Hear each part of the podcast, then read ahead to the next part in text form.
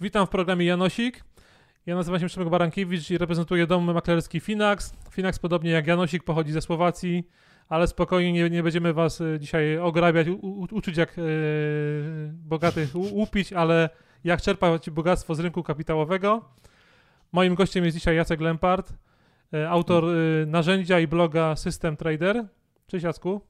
Cześć, cześć Przemek, witam wszystkich serdecznie. Przedstawiłem cię dobrze? Myślę, że tak. Wystarczy właściwie wejść sobie na moją stronę, żeby się dowiedzieć wszystkiego, jeżeli ktoś jest zainteresowany. Także w zupełności. Myślę, że zresztą zaczynałem od bloga tak naprawdę, więc, więc myślę, że to jest taki centralny punkt, jeżeli by ktoś chciał nieco więcej się na mój temat dowiedzieć.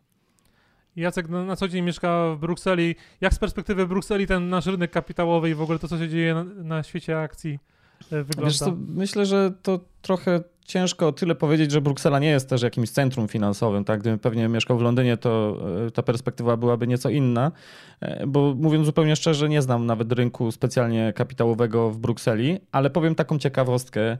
Myślę, że to niewiele osób o tym wie, że o ile w Polsce mamy podatek Belki, profesora Belki, więc pozdrawiamy profesora, e, to w Belgia, która generalnie ma wysokie podatki i, i to tak mega wysokie, w sensie, że mm, efektywna stopa może nawet przekraczać 50% w niektórych y, przypadkach, to jeżeli chodzi o inwestowanie na giełdzie, to nie ma w ogóle podatku, znaczy od zysków kapitałowych. Są opodatkowane e, dywidendy i e, i jeżeli mamy jakieś y, odsetki na lokacie, natomiast jeżeli sobie zarobisz, zainwestujesz sobie w akcje i, i zarobisz na nich pieniądze, to, to nie ma ani grama podatku.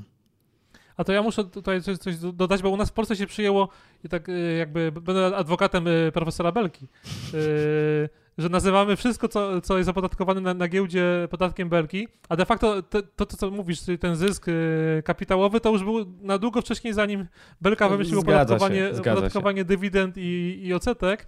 Natomiast przylgnęło do niego wszystko, ca, ca, całe zło podatkowe, jeśli chodzi o, o, o giełdę, więc yy, to taka ciekawostka. Pozdrawiamy profesora oczywiście. Mam fajny bardzo profil na, na, na Twitterze.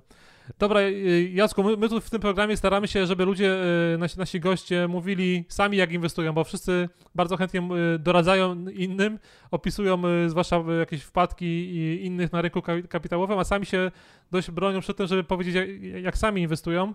Więc to jest takim walorem tego programu Janosik, że, że, że staramy się wyciąg wyciągnąć od gości maksymalnie dużo, jeśli chodzi o ich własne inwestowanie. Mam taki stały zestaw pytań przez który za chwilę przejdziemy. Dziękuję, że się zgodziłeś szczerze odpowiadać na, na te pytania. Powiedz na początek, jak zaczęła się Twoja przygoda z rynkiem?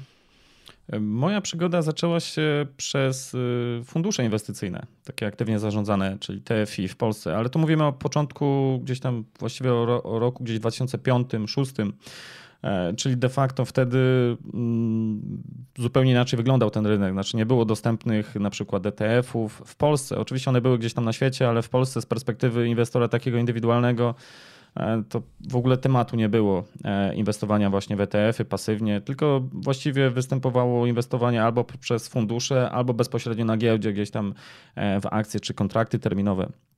No więc zacząłem sobie od funduszy inwestycyjnych. A później zacząłem już powoli też na fali tej hossy, bo widziałem, że koledzy w pracy zarabiają pieniądze właśnie spekulując na, na akcjach. No to też zacząłem e, się tym tematem interesować. E, no i tak wreszcie mocno przyinwestowałem w roku 2008, czyli w najlepszym momencie, kiedy się zaczęła największa fala spadków e, na, na giełdach światowych. E, więc y, powoli odchodziłem właśnie od tych funduszy inwestycyjnych, ale niestety nie zaznałem jakiegoś spokoju, tylko wręcz przeciwnie, od razu, że tak powiem, z deszczu pod, pod można powiedzieć, trafiłem. E, I też ponieważ y, prywatnie jestem e, z zawodu też y, informatykiem, programistą, to bliskie mi było takie podejście mocno skwantyfikowane, czyli takie usystematyzowane, gdzie jeżeli już chcemy inwestować na rynku, to jednak w oparciu o jakiś konkretny zbiór reguł. No i w ten sposób właśnie dotarłem do takiego momentu, gdzie te swoje decyzje chciałem opierać e, i opieram e, w oparciu właśnie o, znaczy opieram te decyzje bazując na zbiorze reguł. e, które można sobie sprawdzić też na danych historycznych. I oczywiście to jest szeroki temat, ja nie chcę tutaj nikogo e, zanudzać, bo tam są plusy i minusy takiego podejścia. Natomiast jak gdyby chodzi o to, żeby w ogóle inwestować w oparciu o jakikolwiek plan, żeby to nie było takie inwestowanie e, gdzieś tylko bazujące na, na emocjach i, e, i, i na tym, co się przeczyta gdzieś tam w internecie.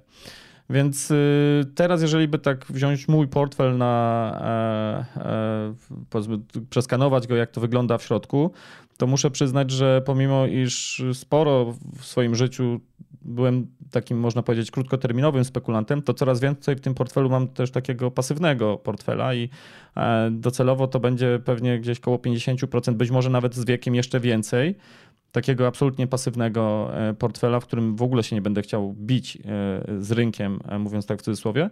Natomiast część portfela dzisiaj mam też opartą na ETF-ach, ale nie poprzez inwestowanie takie pasywne, ale stosując tam pewne strategie aktywne, ale też długoterminowe bardziej. Czyli to nie jest takie inwestowanie, gdzie tam właściwie powiedziałem sobie, że raz w miesiącu chciałbym się maksymalnie logować do swojego rachunku, poświęcać na to naprawdę minimum czasu. E, I o dziwo wcale to nie ma wpływu jakoś specjalnie na moje wyniki, wręcz bym powiedział, że, że z perspektywy czasu, e, nie popełniając tych błędów, które popełniałem kiedyś tam w przeszłości, jest wręcz lepiej. Mm, no i myślę, że to jest takie też dla mnie pouczające, że, że tak naprawdę, e, jeżeli mamy mm, pracę, życie rodzinne i tak dalej, to warto sobie tą stopę zwrotu, jaką możemy e, gdzieś tam wypracować na rynku, też przełożyć na, na stawkę godzinową, którą poświęcamy na rynku, bo, bo być może nie warto się bić z tym rynkiem, nawet jeżeli byśmy mogli cokolwiek więcej tam e, na nim ugrać, jeżeli e, to masę czasu pochłania zwyczajnie, więc, więc być może lepiej się skupić po prostu na karierze, na, na, na rodzinie i, i, i ten zaoszczędzony czas właśnie lokować w innym miejscu. No i to też spokoju ducha dodaje, bo, bo śledzenie na co dzień takich rynków finansowych zauważyłem mi dobrze nie robiło i w pewnym pewnym momencie taki przesyt już czułem, wręcz e, takie efekty wymiotne, że wiesz, e, cały czas musisz wiedzieć, co się na tym rynku dzieje. Dziś przyznam, że mam taki moment, gdzie ja nie do końca wiem, na jakim poziomie jest, e, nie wiem, na jakim poziomie są główne indeksy S&P 500 czy WIG20 i dobrze mi z tym jest po prostu. Super, to, to, z czego byś miał tą emeryturę? Bo trochę powiedziałeś już, ale jakbyś mm -hmm. tak. Y, rozumiem, że, że siedzisz w Brukseli, więc na polski ZUS nie, nie za bardzo liczysz. E, wiesz co, ja przez lata pracowałem w Polsce e, najpierw na etacie, później też mając działalność, więc coś tam w tym ZUS-ie mam. Natomiast moje założenie generalnie jest takie, że ja nie zakładam jakiejkolwiek emerytury takiej powiedzmy państwowej, tak to sobie określmy, e, bo być może jakąś będę mógł mieć z czasem e, z Belgii i być może będę mógł mieć z czasem jakąś z polskiej emerytury, ale zakładam, że, że to będzie powiedzmy na zasadzie powiedzmy jakiejś tam premii, dodatku do, do mojej głównej pre, emerytury, którą ja sobie sam już teraz wypracowywuję. E, I pomimo, że teraz jestem też w Belgii, to e, jeszcze miałem wcześniej założone konto IKE, w Polsce, więc e, tam staram się regularnie te limity wykorzystywać i generalnie wykorzystywać to, co jest takim powiedzmy darmowym obiadem, czyli tam, gdzie są te zwolnienia z podatków, bo ciężko jest o darmowe obiady na rynku kapitałowym i jednym z, takim, z takich obiadów jest właśnie zwolnienie z podatku. Więc generalnie zakładam, że moja emerytura będzie głównie bazować na, na tym, co sobie już teraz wypra wypracowywuję przez ten okres. A jeżeli coś będę miał e, z tej państwowej emerytury, no to na zasadzie, tak jak mówię, takiego dodatku, e, ale nie liczę na to, że coś będę miał od państwa, bo lepiej się pomylić tutaj w sensie takim, że, że nie wiem, będziemy być może drugą Norwegią, jeżeli chodzi o Polskę, ale gdyby się okazało jednak, że, że tak nie będzie, no to wtedy lepiej e, wykorzystać ten procent składany i, i, i kilka dekad przed przejściem na emeryturę jednak e, samemu sobie odkładać. I myślę, że też e, tutaj wiele osób nie jest świadoma tego, że to wcale nie trzeba odkładać jakichś wielkich pieniędzy regularnie, ale właśnie ważne, żeby jakiekolwiek odkładać pieniądze regularnie i, i dać temu procentowi składać danemu popracować, a przy okazji wcale nie trzeba na to poświęcać jakiejś masy czasu, więc podsumowując y, emeryturę, myślę, że będę miał przede wszystkim z własnych środków, które sobie w, w tym momencie już tam gdzieś odkładam. A no, no dobra, a poduszkę finansową w czym rokujesz?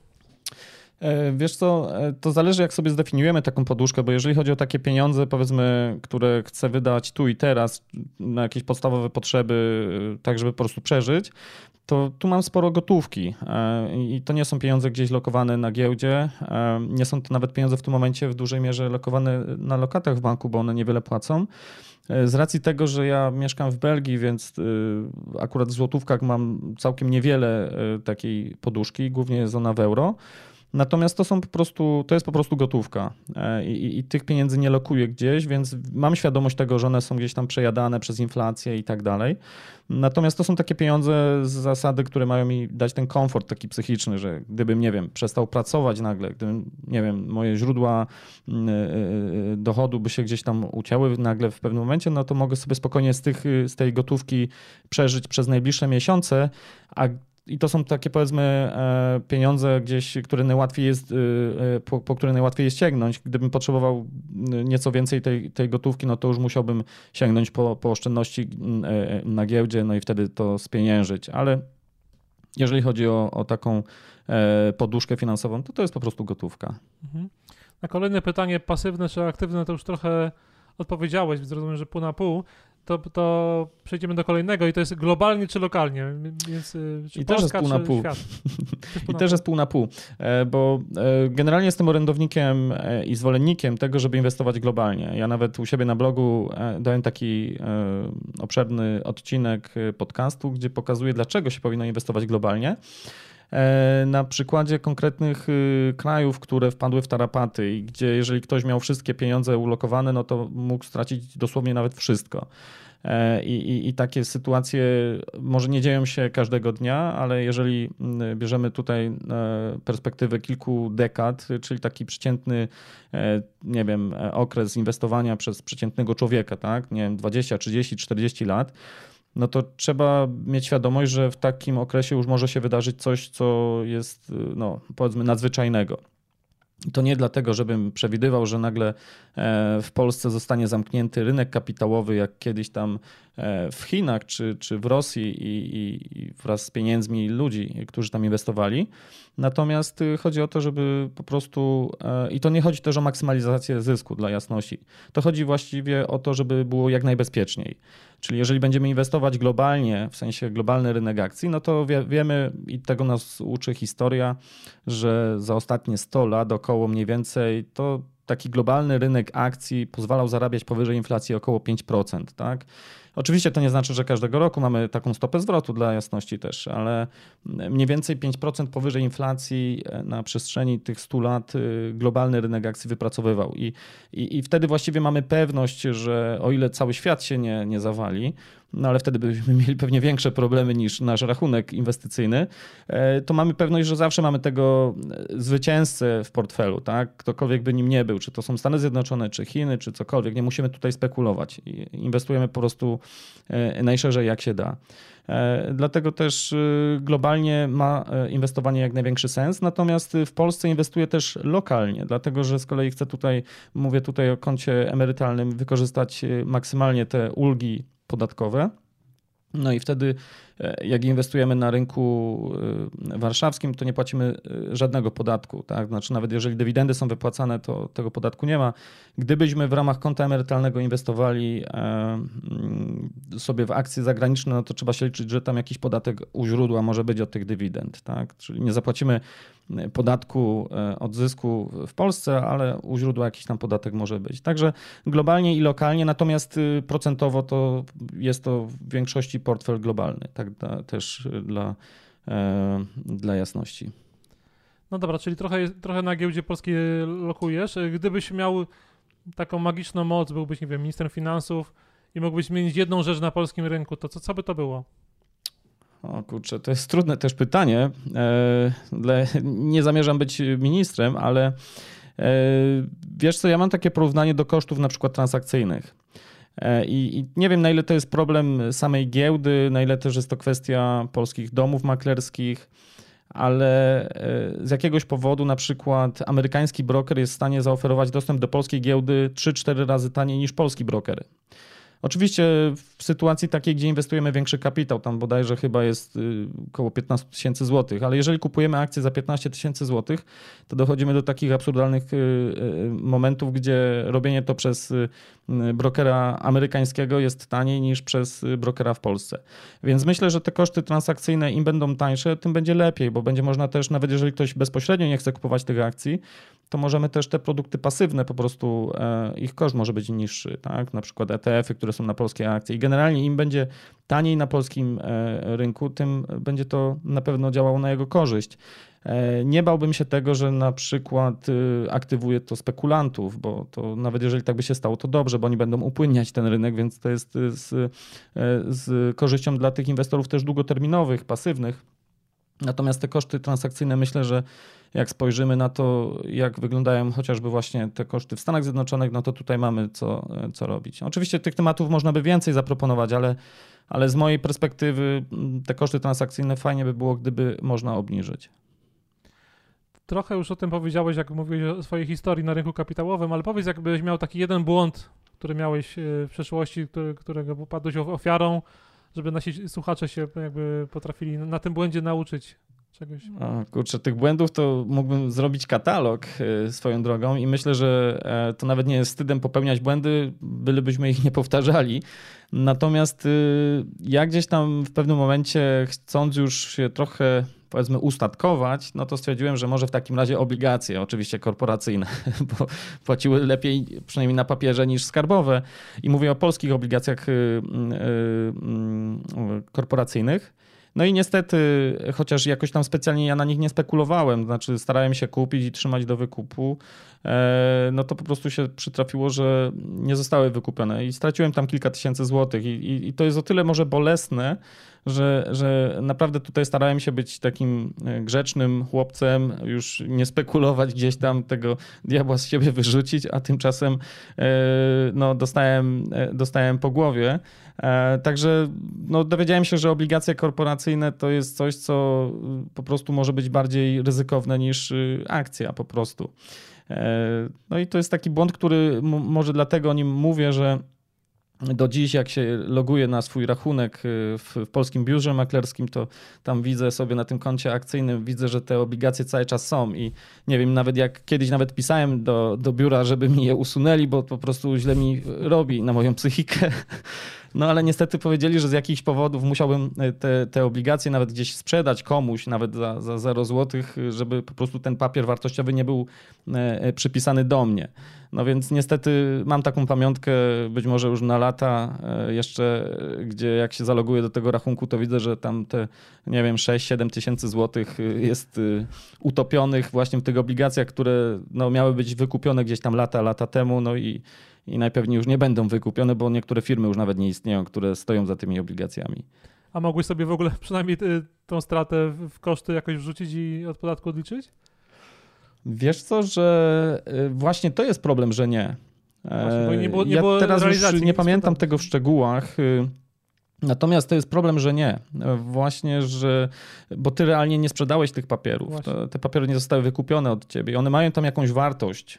E, natomiast y, oczywiście nie ma drugiej strony transakcji, więc, więc to jest tak, jakbyś miał, wiesz, akcje, które straciły 100%, tylko byś ich nie sprzedał, więc y, e, de facto też y, masz papierową stratę i, i, tak samo jest tutaj. To nie jest zrealizowana strata, więc nie wiem, czy później się już tym tematem nie zajmowałem, nie wiem, czy się coś zmieniło, ale wątpię, żeby można to odliczyć jako, jako stratę.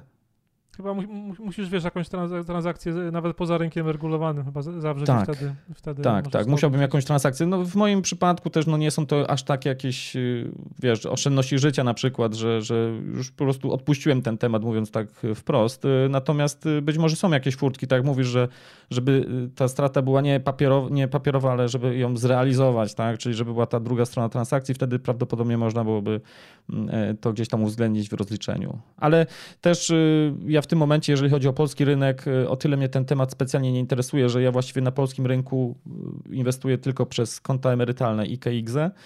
E, mam tam konto, na którym czasami działam, jeżeli chodzi o kontrakty terminowe, ale powiedzmy to sporadycznie i, i, i to nie są jakieś, to nie jest jak gdyby mój główny, e, główna aktywność, więc de facto te podatki e, w Polsce, jeżeli chodzi o inwestowanie na giełdzie, w tym momencie mnie jakoś tam nie dotykają bezpośrednio.